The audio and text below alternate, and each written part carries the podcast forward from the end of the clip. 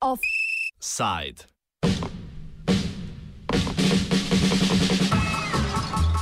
Još južnije, još tužnije.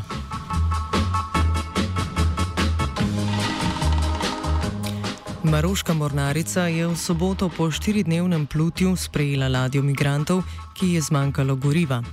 Maroške oblasti so na vkljub pozivom ignorirale stisko migrantov, zaradi česar jih je 15 tudi umrlo. Spomnimo, da se migracijsko pot skozi Maroko zaradi restriktivnih migracijskih politik na Sredozemskem morju zopet pogosteje uporablja. Tudi zaradi pritiskov Evropske unije pa Maroko zato uporablja vse bolj agresivne taktike, da bi preprečil prečkanje migrantov. Ker omenjeni primer ni edini in ker se zdi, da bodo to vrstni primeri vse pogostejši, se v današnjem offsajdu obračamo v Maroko in tamkajšnje implementacije politike eksternalizacije evropskih mej.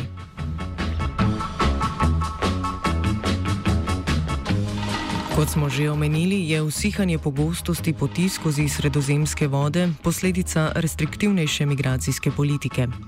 Na eni strani se je tako imenovana Balkanska pot zaprla z dogovorom o vračanju migrantov, ki ga je Evropska unija sklenila s Turčijo. Prav tako se meje eksternalizira in predvsem z nastopom nove vlade v Italiji prelaga naloge zamejevanja in vračanja migrantov na Libijo. Prav tako je Malta julija brez pravne podlage tri mesece zadrževala ladjo humanitarne organizacije Sea-Watch 3, ki skuša pomagati migrantom na nevarnih poteh. Nedavne primere na poti iz Libije razloži Maurice Štirl, aktivist organizacije Alarm Phone, ki sprejema klice potujočih migrantov in sporoča njihove lokacije na posameznem teritoriju pristojnim oblastem, ki bi morale prestreči migrante. I can give you two examples that uh, happened in November. Um, so first, there was a group of migrants who called us in early November, so on the 7th of November.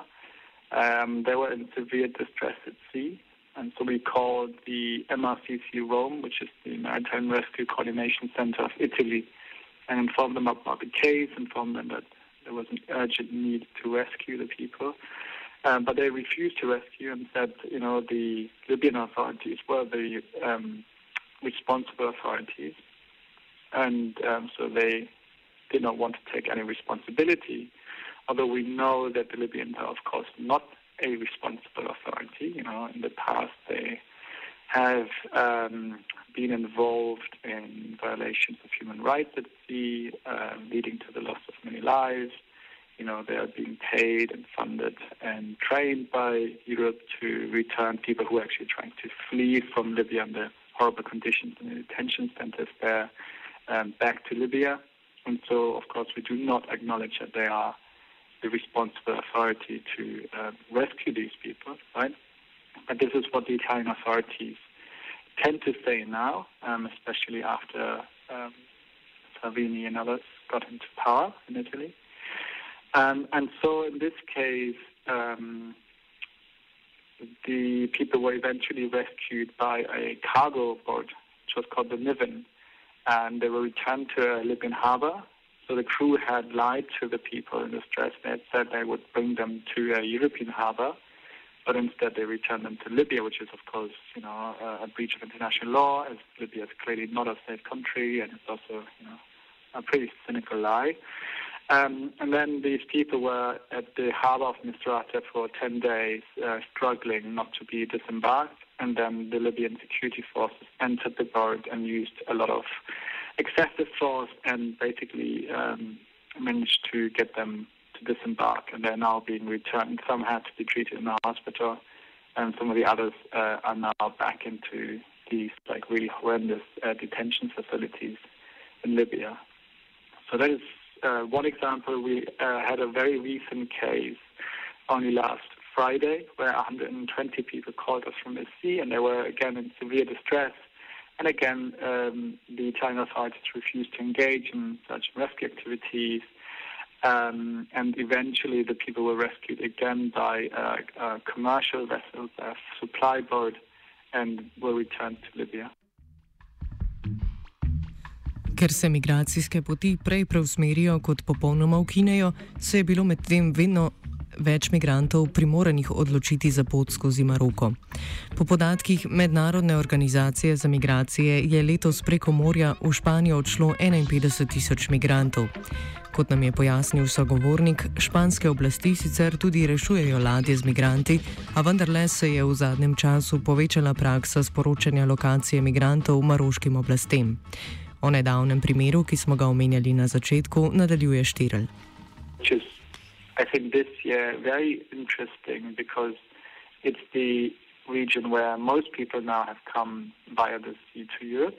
So over 50,000 people have taken to the sea and managed to reach Spain. Um, and there we also had a very difficult case uh, only two or three days ago um, when we learned about about, about 70 people uh, who had left from Morocco already like last Thursday, um, and we were alerted to the situation on Friday, and the people then asked repeatedly to be rescued, but the authorities we contacted, the Spanish and the American authorities, um, delayed rescue efforts, and eventually um, they were rescued back to Morocco, but they were I don't know how long they were sea for more than 36 hours, I think. And 15 people are now confirmed to have died in this case. Na povečevanje števila migrantov so maroške oblasti reagirale z nezakonitimi aretacijami in deportacijami. Poleti je policija na severu Maroka izvedla racijo in aretirala približno 7000 migrantov. Ta praksa ni nova, je pa bila tokrat bolj poostrena. Druga novost pa je, da so jo izvajali v mestih. Pojasnjuje Bilal Al-Džoari iz humanitarne organizacije GADEM, ki je prakse popisala v poročilu. The report came just after the, the event that happened in, in the north of Morocco, especially in uh, the city of Tanger and uh, Nador. Uh, we observed that uh, there were many raids made by the authorities against uh, the migrant population there in those cities, and uh, they were aiming the the migrant population who were having the the project to migrate to to, to Spain. Um, raids are uh, are kind of like ordinary in the north of Morocco, and it was since 2015 February. Uh, we made uh, a report since back then also, but uh, this time it was it was uh, it was hard. It was uh, very harsh. many people were arrested and many of them were not arrested by any uh, law, which means that uh, there was no order from the justice, there was no order from the from the court to make those arrests, which make them uh, illegal. And also, we observed that uh, some of the people that were arrested, they already have their valid passport. They were having some of them also have IDs uh, valid IDs card, and uh, also we observed that many minors were arrested also. And also we observed that uh, they were arrested, for example, in more than the time they should be. For some people, it was like more than a month that they were detained, not in prison or jail, but in uh, in uh, the garage of the of the police station. Kot rečeno, dotične prakse v Maroku niso nove. Leta 2003 je bil sprejet zakon nič 2 minus nič 3, ki je kriminaliziral neregistrirane migrante in s katerim so maroške oblasti deportirale migrante na mejo z Alžirijo ali Mauretanijo. Pred petimi leti je vlada s kraljem na čelu naznanila spremembo politike in omogoč omogočila pridobitev dovoljen za bivanje. Deklarativni humanitarni obrat pri politikah migracij pa je kljub vsemu spremljala deportacija migrantov z severa na obrobje bližnjih mest. Sedaj pa se je zopet pojavila praksa deportacij večjega števila migrantov na meje. Kot nam je pojasnil sogovorec, je to potekalo tudi v sodelovanju z drugimi afriškimi državami, ki so identificirale migrante kot lastne državljane, Al-Džuari. Before the new migration strategy of Morocco that resulted to this uh, the regularization campaign, the um, the arrests were like Normally, they can take people to the borders with Algeria or take them to the to the borders with, with Mauritania, and um, there were some raids in the forest, but not not as much.